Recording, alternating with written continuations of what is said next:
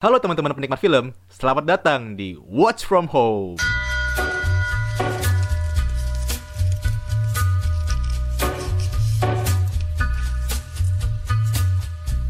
Watch From Home adalah sebuah podcast yang bakal membahas film-film yang teman-teman bisa tonton di kanal-kanal kayak Netflix, eh, Video, iFlix, Mola, eh, Amazon Prime, HBO Go dan lain-lainnya lah. Pokoknya yang eh, teman-teman bisa tonton di rumah. Biasanya kan di HP atau di gadget kayak gue biasanya di laptop atau di colok HDMI ke TV.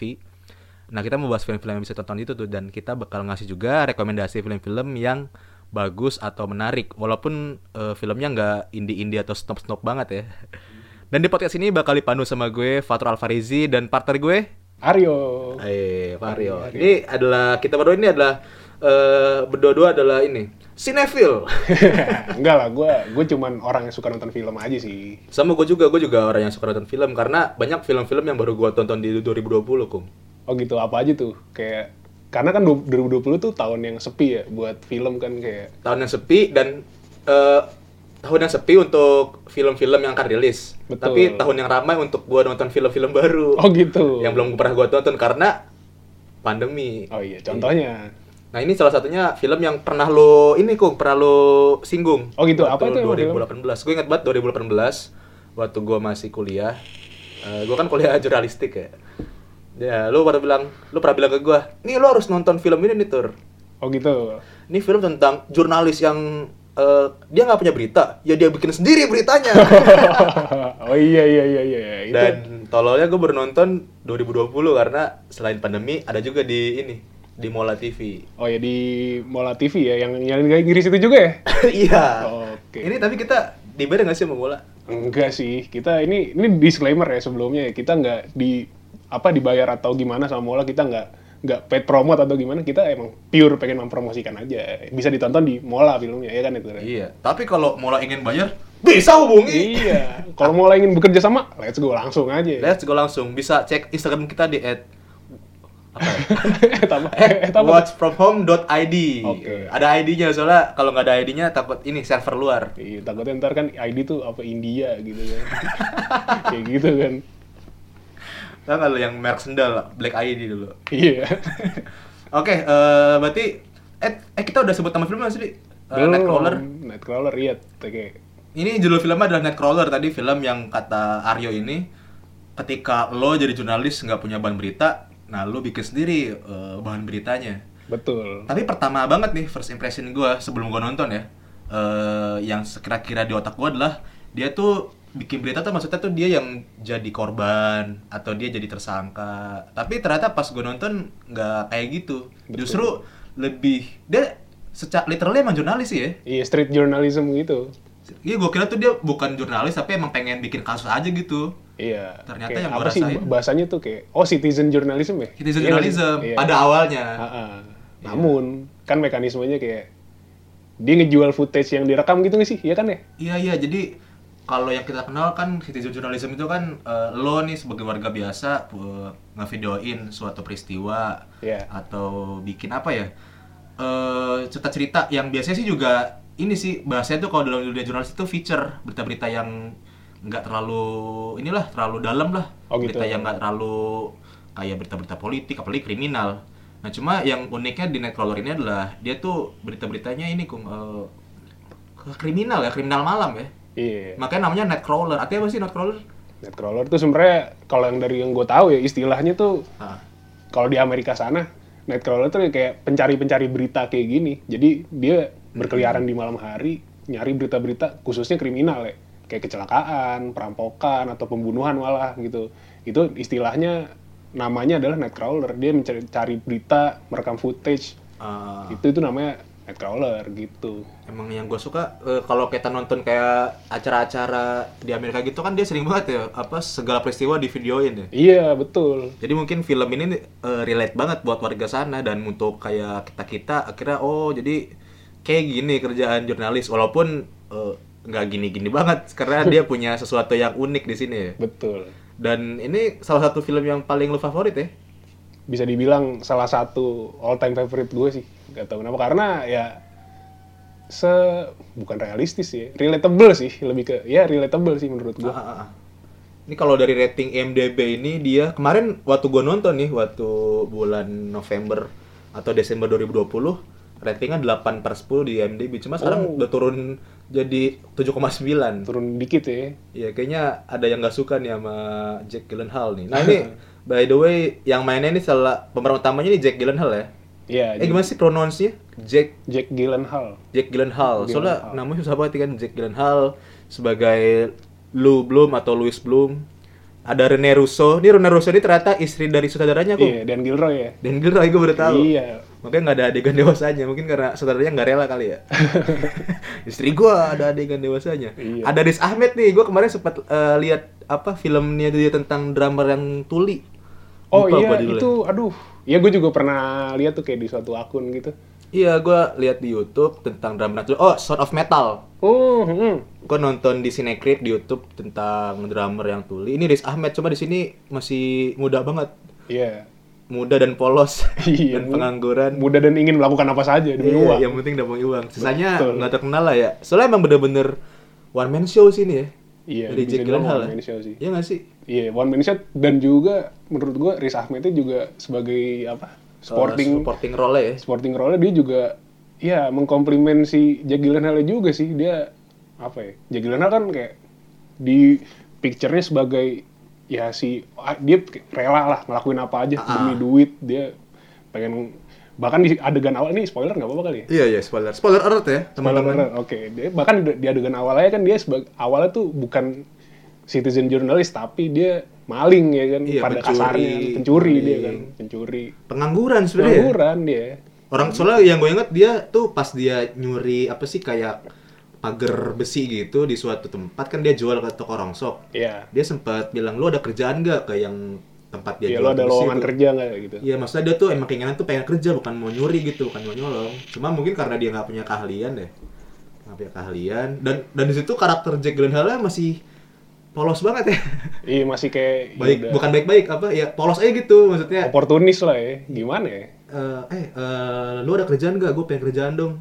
Hmm. Dan ya ya gimana sih eh, mana apa mana ada orang yang mau mem- mempekerjakan seorang pencuri kan? iya dia cuma orang yang trying to make ends meet aja gitu Ah, kayak gitu Betul. Nah, nah ini kita berarti kita masuk ke premisnya deh. Oke. Jadi ini si Jack Gyllenhaal ini si Lou Bloom ini adalah seorang gue bisa bilang sih pengangguran yang ya no life banget lah. Dia no life banget, gak punya kemampuan apa-apa selain mencuri. Ya dia kerjanya nyolong-nyolong kayak besi. Yang diperlihatin sih besi itu besi ini ya besi pagar besi gitu ya dijual Iya, di adegan awal ya? Hmm, di adegan awal dia tuh merasa kok gue nggak punya nggak punya bakat atau nggak punya keahlian apa apa sampai akhirnya di suatu malam dia lagi jalan pulang nih si Lou Bloom ini dia ngeliat ada sebuah peristiwa tabrakan mobil kalau nggak salah deh iya di di jalan tol ya di highway iya ya? di di jalan tol di jalan layangnya dan dia ngeliat ada ini ada mobil van tiba-tiba dateng kayak TV gitu gue pertama kira tuh ini eh, jurnalis TV malam-malam ngeliput Iya. ternyata setelah ceritanya berlanjut itu tuh kayak citizen, citizen journalism kayak tadi lu bilang Iya. tapi dia punya company gitu jadi company-nya emang kerjaannya setiap malam nyari-nyari berita peristiwa khususnya kriminal ya yang nanti dijual ke TV videonya tuh footage-nya dijual Iya. karena mungkin kemampuan televisi jurnalis televisi itu nggak nggak sebanyak orang-orang kan ya. Jadi kalau ada berita di mana kan cepet-cepetan tuh pasti dan dijual. Iya. nah di situ dia langsung tertarik tuh si Lou Bloom ini kan. Si Lou Bloom ini. Dan gua tuh singkat gua yang gua lihat adalah dia itu kan nyolong sesuatu ya. Itu ini kan settingnya di Los Angeles ya? Iya di Iya, California. gue lihat eh, settingnya mirip sama Los Santosnya ini GTA jadi oh Iya. tahu nih gue Los Angeles. Dan dia nyolong suatu barang pas dia ngejual ke toko elektronik dia minta imbalan yang gede tapi si toko elektroniknya nggak bisa gue gua bakal bayarin barang barang curian lo ini nih Iya. Eh, tapi akhirnya si lo belum bilang karena di otak dia sempat kemarin ngelihat jurnalis itu kayaknya keren, jurnalis kriminal. akhirnya dia hasil jualan hasil jualan barang curiannya dia tukar sama kamera Iya, kamera- camcorder gitu. camcorder, iya. Cupu gitu sih Iya. maksudnya. Itu kayaknya 480p dah. ya sih? Kayak cuman ya udah simpel yang penting bisa ngerekam aja kan gitu. Iya, dan kayaknya itu juga kasetnya bukan masih belum pakai ini, belum pakai SanDisk gitu-gitu. Masih masih pita gitu, bener-bener ya dibilang eh, kamera pocket bukan kan, handycam bukan. Jadi tapi untuk kamera profesional juga kualitasnya jelek. ya intinya Mungkin emang ya, kamera jadul ya ya. jadul lah ya jadul, kayak Jadul. udah udah bukan zaman lah updated lah ya dan di situ dia akhirnya ceritanya membuat si Lo Bloom ini menjadi jurnalis kriminal di malam-malam ya. iya itulah makanya kenapa dinamakan Nightcrawler. Jadi- mencari berita di malam hari. Ini mantap sih soalnya berita apa bukan berita artikel-artikel yang ada di internet ini bilangnya eh, ketika psikopat jadi wartawan atau ketika ya orang maksudnya ini film ya tadi yang gua bilang ketika lo nggak punya berita ya lo bikin sendiri beritanya kan. Oh tapi ada juga ya kayak ada Iya itu ada gue waktu itu pernah lihat ya ada orang yang jadiin ini Bahan- sebagai objek penelitian cuy. Skripsi ya? Iya oh, kayak, iya iya, iya. kayak skripsi atau makalah gitu. Makalah.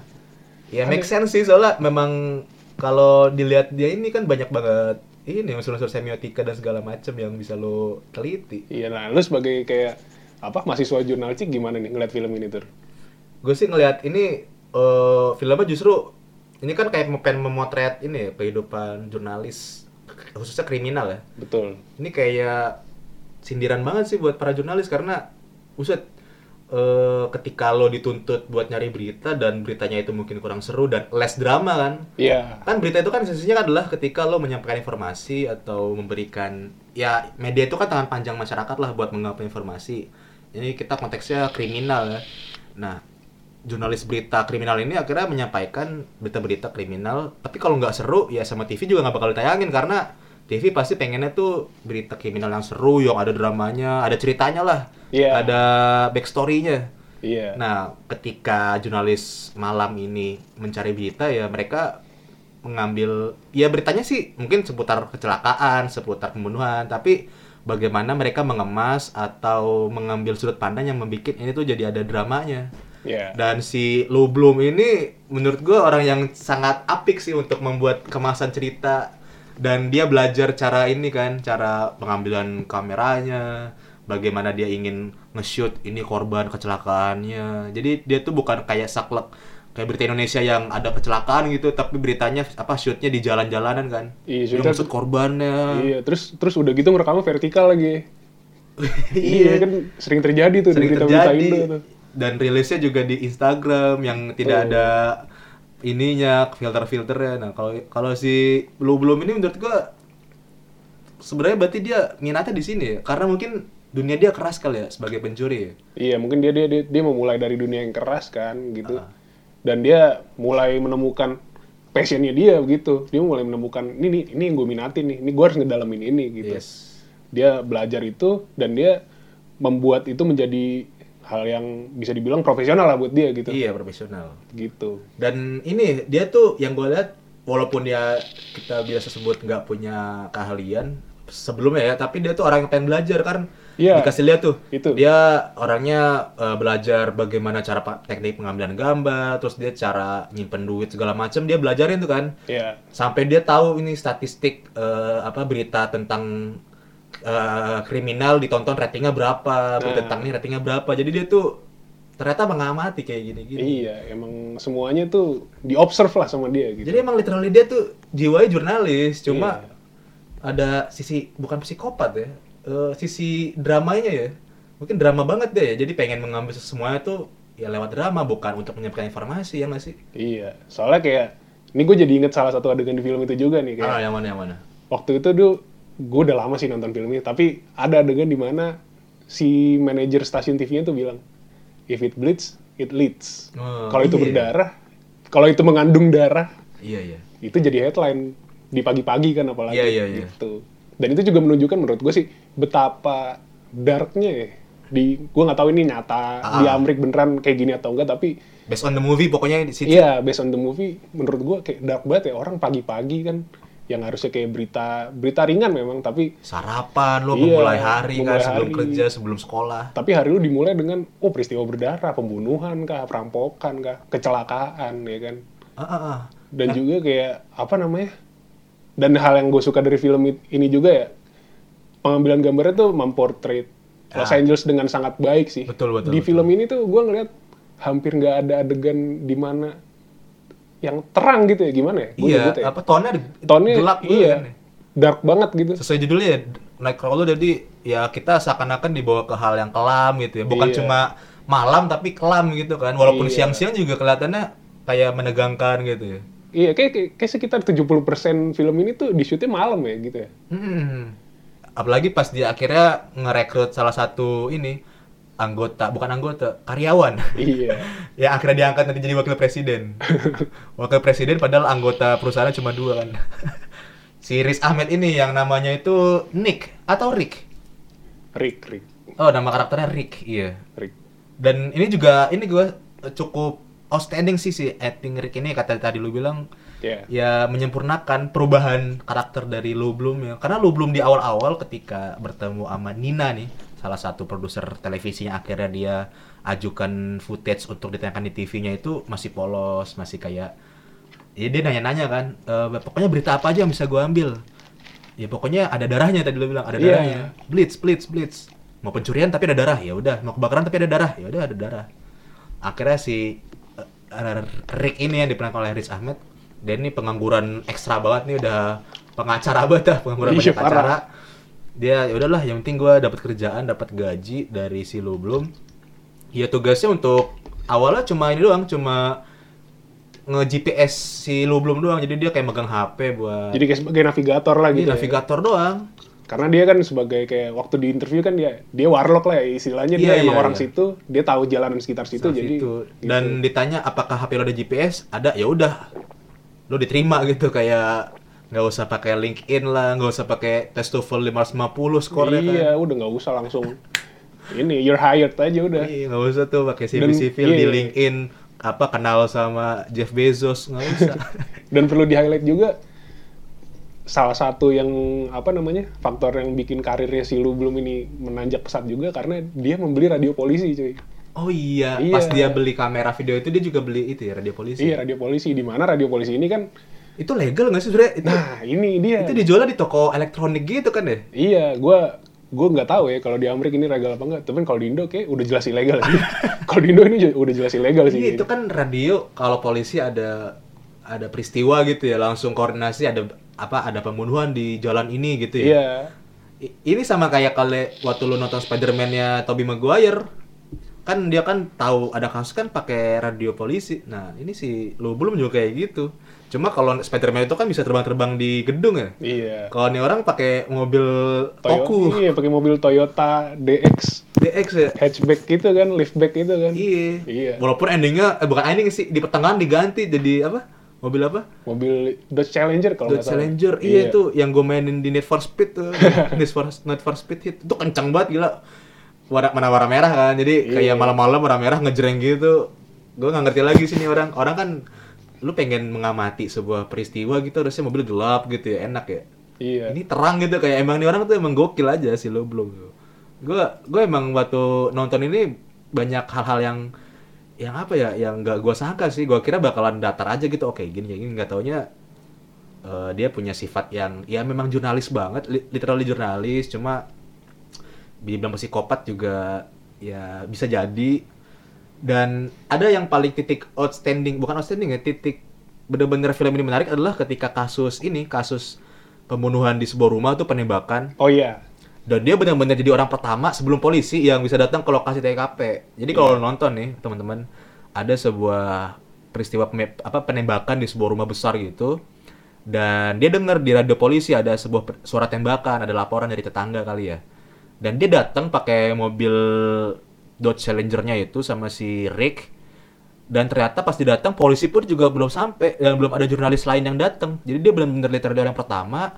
Dia ngelihat pelaku penembakannya yang dia videoin dan dia bisa masuk ke TKP sebelum di garis polisi. Iya. Bener-bener dia bisa ke close up apa parah banget sih itu gue ngeliatnya jijik juga kan gue walaupun ini film ya eh, muka ditembak gitu kan terus dia kayak ngelihat ada kamar bayi yang untungnya nggak ada bayi terbunuh Iya. jadi dia tuh nge-shoot kayak gitu tuh bukan cuma ngelihat pembunuhan tapi dia pengen membangun cerita dari gambar-gambar kan dia Betul. nge-shoot apa ada senapan yang jatuh di rumahnya menurut gua di situ titik bagaimana film ini tuh bukan cuma film biasa tapi titik balik si Lou Bloom adalah orang yang benar-benar ambisius banget Iya, dan juga kayak sebelum kasus itu kan ada kasus yang kayak kecelakaan mobil gitu kalau lu ingat. Ah, ah, ah, ah. Nah, itu kan di situ dia kayak langsung ke TKP, dia nge ngegeret, ngegeret- bukan geret ya, nyeret eh, ini Ah, kan ah. mayat nggak sih? Mayatnya iya, Nah, mayatnya itu. dia pindahin eh, biar eh, ini seakan-akan mungkin mempengaruhi cerita dari peristiwanya itu ya. Iya dan juga buat mungkin agar footage-nya jadi lebih bagus dan berkualitas kali ya. Nah, itu kan kayak ya Itu padahal menyalahi ini anjir Itu. apa protokol TKP kan, iya memindahkan sidik jari segala macam. TKP iya betul. Bakalan ada kayak jejaknya kan pasti gitu. Iya, jadi dia literally ya emang peristiwanya udah ada, tapi dia bikin dia bumbuin lah bahasanya ya. Iya. Anak-anak muda dibikin bumbu jadi dari cerita yang biasa jadi makin luar biasa itu sih yang bikin gua gua kira awalnya dia tuh benar-benar ngebunuh orang atau mencuri rumah terus dia beritain ternyata nggak kayak gitu emang dia jurnalis Iya kan kalau kayak siapa dulu tuh series tuh Dexter ya, Ah, yang bunuh Dexter. orang. Terus ini kayak gitu. Dia gue tuh- kira tipe kayak gitu. Dan ini di Rotten Tomatoes tadi kan kalau di IMDb kan 7,9 ya. Di Rotten itu 95% kalau tahu tomatometer ya. Kalau audience score 85%. Kalau di ini kum di apa? Di apa di Oscar dia juara nggak sih? Nah di Oscar tuh dia dinominasikan eh, ininya screenplaynya, best screenplay. Best screenplay ya. Iya, best screenplay saja. Nah ini ini suatu hal yang menarik juga buat gua Nah, karena gimana tuh? seperti yang tadi udah kita bahas juga bahwa penampilan Jackie Gyllenhaal di sini kan bisa dibilang luar biasa lah ya. Luar biasa standing lah. One man show banget cuy. Iya, ini sangat-sangat one man show dan juga hal yang bikin bukan cuma gua dan Fatur ya, tapi Ya, mungkin pasti semua teman-teman penikmat film juga ngerasain ya kalau udah nonton ya. Iya, teman-teman penikmat film juga mungkin kalau udah nonton film ini pasti ngerasa kayak ini nggak mungkin sih kalau nggak nominasi Oscar nih si Jack Gyllenhaal atau Riz Ahmed mungkin sebagai Supporting role ya. supporting role, tapi ternyata enggak gitu. Ternyata mereka tuh kalau bahasa bahasa sinefilnya nih ya di snap nih, Di snap. betul. Jadi ya gimana ya, gue sih itu cukup ramai kali ya tahun 2015 itu ya. Ini kan filmnya tahun 2014 ya. Dan biasanya film tahun segitu tuh dapat nominasinya di setahun setelahnya ya di beberapa eh, apa eh, vendor-vendor yang bikin award-award lah. Iya. Dan dari 2015 ini dia filmnya juara best screenplay yang nulisnya itu adalah si Dan Gilroy. Jadi Dan Gilroy ini juga selain sutradara dia juga nulis naskahnya juga nih, jadi naskah asli. Berarti benar-benar ini project passion banget dari dia nih soalnya udah sutradara, terus dia juga bikin naskah, istrinya pun si Rene Russo jadi pemeran yang cukup vital juga sebagai Iya. Nina. Kalau gue lihat di riset si Jack Gyllenhaal yang film-filmnya juga banyak keren-keren, dia pernah dinominasiin satu-satunya nominasi Oscar ya, kita bicara Oscar. Cuma pas tahun 2006 ketika dia masuk nominasi Oh, aktor pendukung terbaik di film Brokeback Mountain ya. Brokeback Mountain. Sisanya dia banyak main film yang baik itu emang buat festival atau emang benar-benar buat jualan, ya nggak masuk lagi di nom- cuma nominasi dong loh. Bahkan dia belum pernah juara. Ini gue kaget juga sih ternyata belum pernah juara. Jadi ya terutama di kalau konteks Nightcrawler ini ya seenggaknya masuk nominasi pantas banget lah. Cuma ya ya tadi kata ketika kata Aryo bilang eh, film ini di snap ya di snap jadi ya nggak heran sih kita tahu kasus-kasus kayak gini dan ya gue pengen pengen banget sebenarnya eh, bukan ini ya bukan kayak sequel tapi ada film yang kayak gini lagi karena ini bagi gue cukup fresh sih mungkin karena referensi film gue kayak gini kurang ya tapi Iya. film kayak gini menurut gue ya fresh aja tuh ngambil sudut pandang yang keren gitu dari sudut pandang jurnalis dan sebenarnya ini bukan untuk kayak men memotret memotret bagaimana apa jurnalis itu heroik gitu tapi malah mengkritik kata gue sih mengkritik keras eh, media ya. kayak Media, satir atau malah langsung belak-belakan ya menurut gue. Iya pokoknya bukan ke jurnalis tapi ke malah ke TV-nya karena Oh, iya. mereka kan ending-endingnya si Nina ini yang dipegang Rene Russo ini bilang kalau ya berita-berita yang nggak penting mah yang nggak ada ceritanya nggak usah yang penting itu kita ada ceritanya biar orang-orang pagi-pagi nonton habis itu ke kantor cerita sama temennya Oh, itu yang iya. kita incer jadi ada Betul. impactnya walaupun beritanya itu justru jadi mis misleading Iya. sama kasus aslinya ternyata kan akhirnya diketahui bahwa kasus yang pembunuhan di rumah itu adalah uh, perang antar geng narkoba tapi ya dibangun ceritanya masih lo belum ini adalah pembunuhan di sebuah rumah membuat ya neighborhood apa lingkungan rumah tangga jadi ketakutan habis itu wah nanti di rumah gua ada pembunuh padahal nggak kayak gitu bos Iya. outstanding outstanding keren sih dan juga kayak perlu di garis bawahi. Garis bawahi juga kalau kan stasiun TV-nya si Nina ini kan awalnya emang stasiun TV yang Oh iya iya. ya ibaratnya apa ya? Punya rating kurang ya? ratingnya kurang lah gitu dan mungkin ketika ketemu lu belum juga dia ngerasa bahwa oh ini kayaknya tepat nih konten ini tuh kayaknya tepat gitu kan Simbiosis Untuk naikin- mutualisme ya? iya semacam simbiosis mutualisme semacam kayak konten ini tuh yang dihasilkan sama dia tuh tepat lah buat naikin rating stasiun TV gua gitu I- Iya, habis itu soalnya dikasih tahu kan sebuah dialog bilang kalau setelah lo belum jadi apa ya kontributor tetap, dia bukan karyawan akhirnya kan dia sering ngasih berita footage footage kasus di Los Angeles lah Hmm. kriminal. Dia tetap nggak mau jadi karyawan tapi pengen jadi kontributor tetap kontributor yang dibayar per berita per berita gitu. Eh, dan setelah dia jadi kontributor tetap ya rating TV-nya si Nina ini ya naik jadi nomor satu makan ya itu yang membuat akhirnya si eh, lu belum ini akhirnya jadi congak akhirnya jadi apa ya kayak ya lu kalau nggak ada gue ya TV lu bukan apa-apa. Nah, iya. ngancem jadi dia, ada dia kayak jadi kayak punya semacam bargaining power lah. Iya bargaining power. Dan itu yang membuat kekuatan dia tuh dari lu belum yang dulu dan yang sekarang tuh beda banget sih tuh. Dia punya ancaman dia nge-trade bahwa ya yaudah kalau lu nggak mau berita gue dengan harga segini yang gue naikin ya udah gue pindah aja Nah, ke iya. TV lain.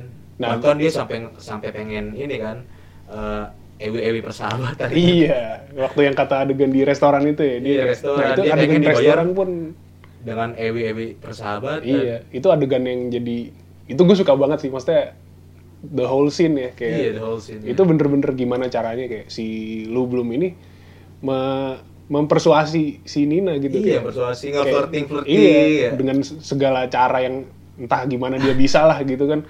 Itu tuh menurut gue keren banget sih. Dan juga kayak yang tadi lu bilang soal yang gimana akhirnya lu belum tuh uh, berkembang se personalitinya gitu Ah. itu juga yang gue suka dari film ini sih karena dari awal ditunjukin kan kalau dia tuh cuman seorang yang pengen nyari kerjaan seorang yang pengen nyari duit ya kan Ah, yang penting dia punya keahlian lah Iya. buat di jadiin duit gitu. sampai akhirnya dia udah menjadi seseorang bukan seseorang juga sih sebuah dia udah, mendirikan sebuah company yang sedemikian besar namanya. eh, apa tuh Oke, gue lupa. oh oke anti klimaks ya Iya.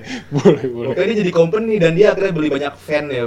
Du, apa dua tiga mobil kan setelah Iya, di ending-ending itu ya. Nah, dan beberapa kru lah ya Beberapa kru magang Iya. yang yang gue tahu pasti bakal dieksploitasi habis-habisan sih. iya Ya tapi buat kru magang pasti seneng banget dikerja, dipekerjakan sama lo belum karena tahu track recordnya, Iya. berita-berita yang ditampilkan selain paling aktual juga paling naikin rating televisi kan dan dijual mahal. iya dan dia tahu cara nge-craft bagaimana berita itu bisa menjadi sebuah bahkan entertainment gitu kan Iya ini bukan news tapi entertainment ya. iya entertainment news Iya, iya nggak sih iya nggak sih iya nggak sih, sih no Nama- gossip. Ih, namanya itu nggak sih nama nama Iya iya iya. company-nya nggak sih Iya iya iya. Eh, iya nggak sih lupa gue. itu kayaknya gue juga rada lupa sih Tapi tadi tuh yang lo singgung seputar ketika eh, lo belum ngobrol sama Nina di sebuah restoran untuk kayak nge-flirting flirting biar kita ewe-ewe persahabatan. iya Kan si Nina sempet ini ya sempet nolak ya.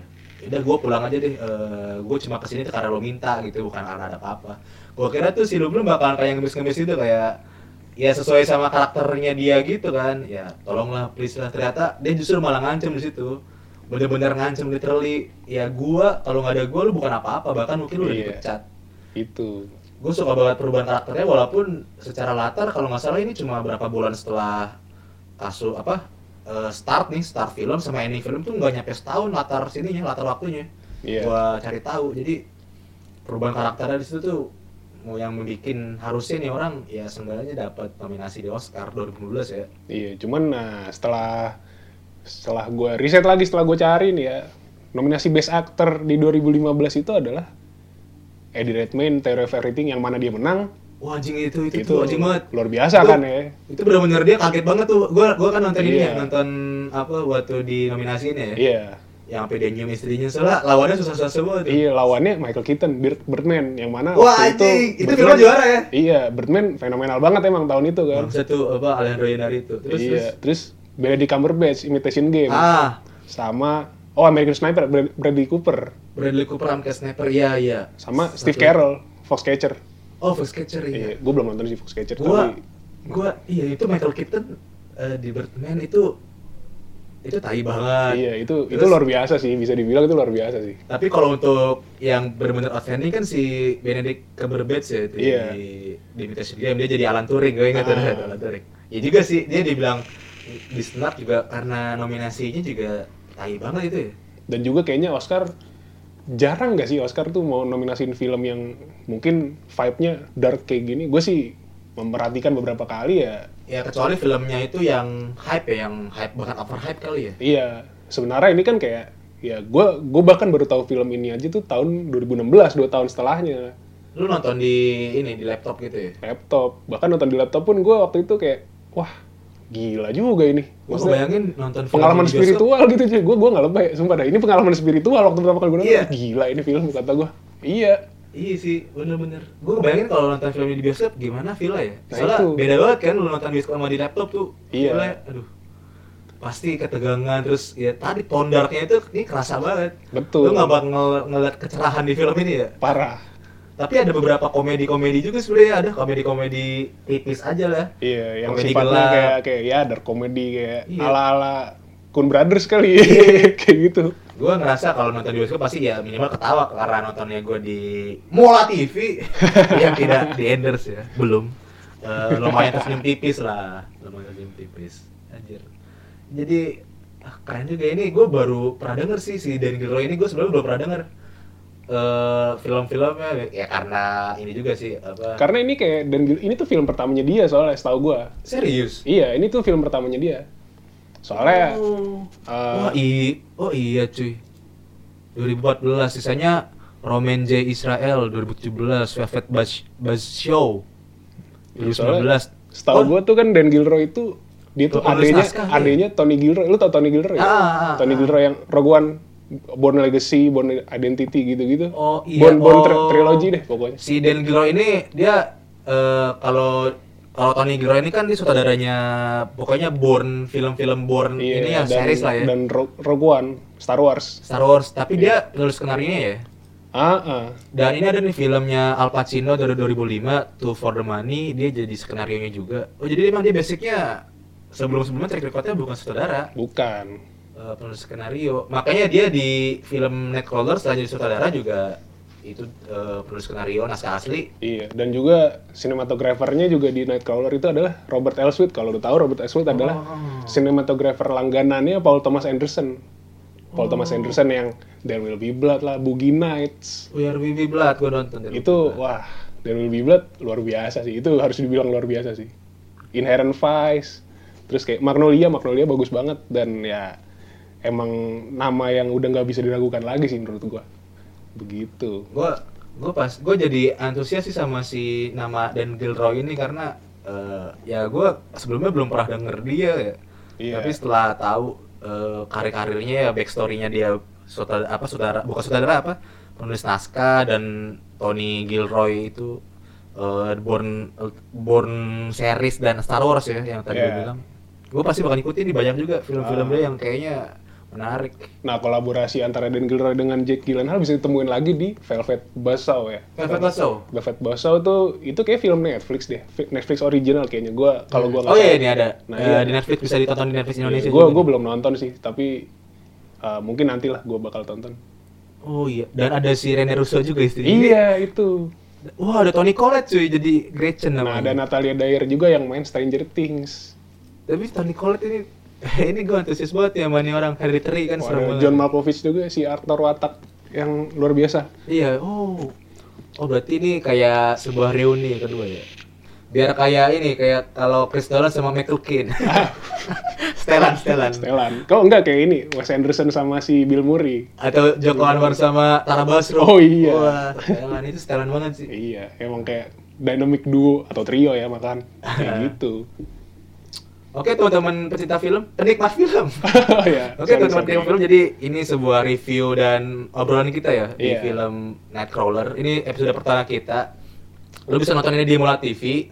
Sebenarnya ada juga di video.com, tapi ke- kalau lu pengen nonton di Mula TV langsung aja ada eh, cek aja nanti di akun Instagram kita di watchfromhome.id @watchmom.id eh, dan banyak film-film bagus juga di Mola. Dia kalau lo nonton kalau lo langganan Mola itu lo bisa ini kung bisa dapat HBO Go juga. Oh gitu. Cuma kebetulan film Nightcrawler ini bukan di HBO Go-nya justru di eh, Mola. TV-nya. Oh. Jadi film-filmnya juga Bagus cukup ya. bagus lah Nightcrawler ini.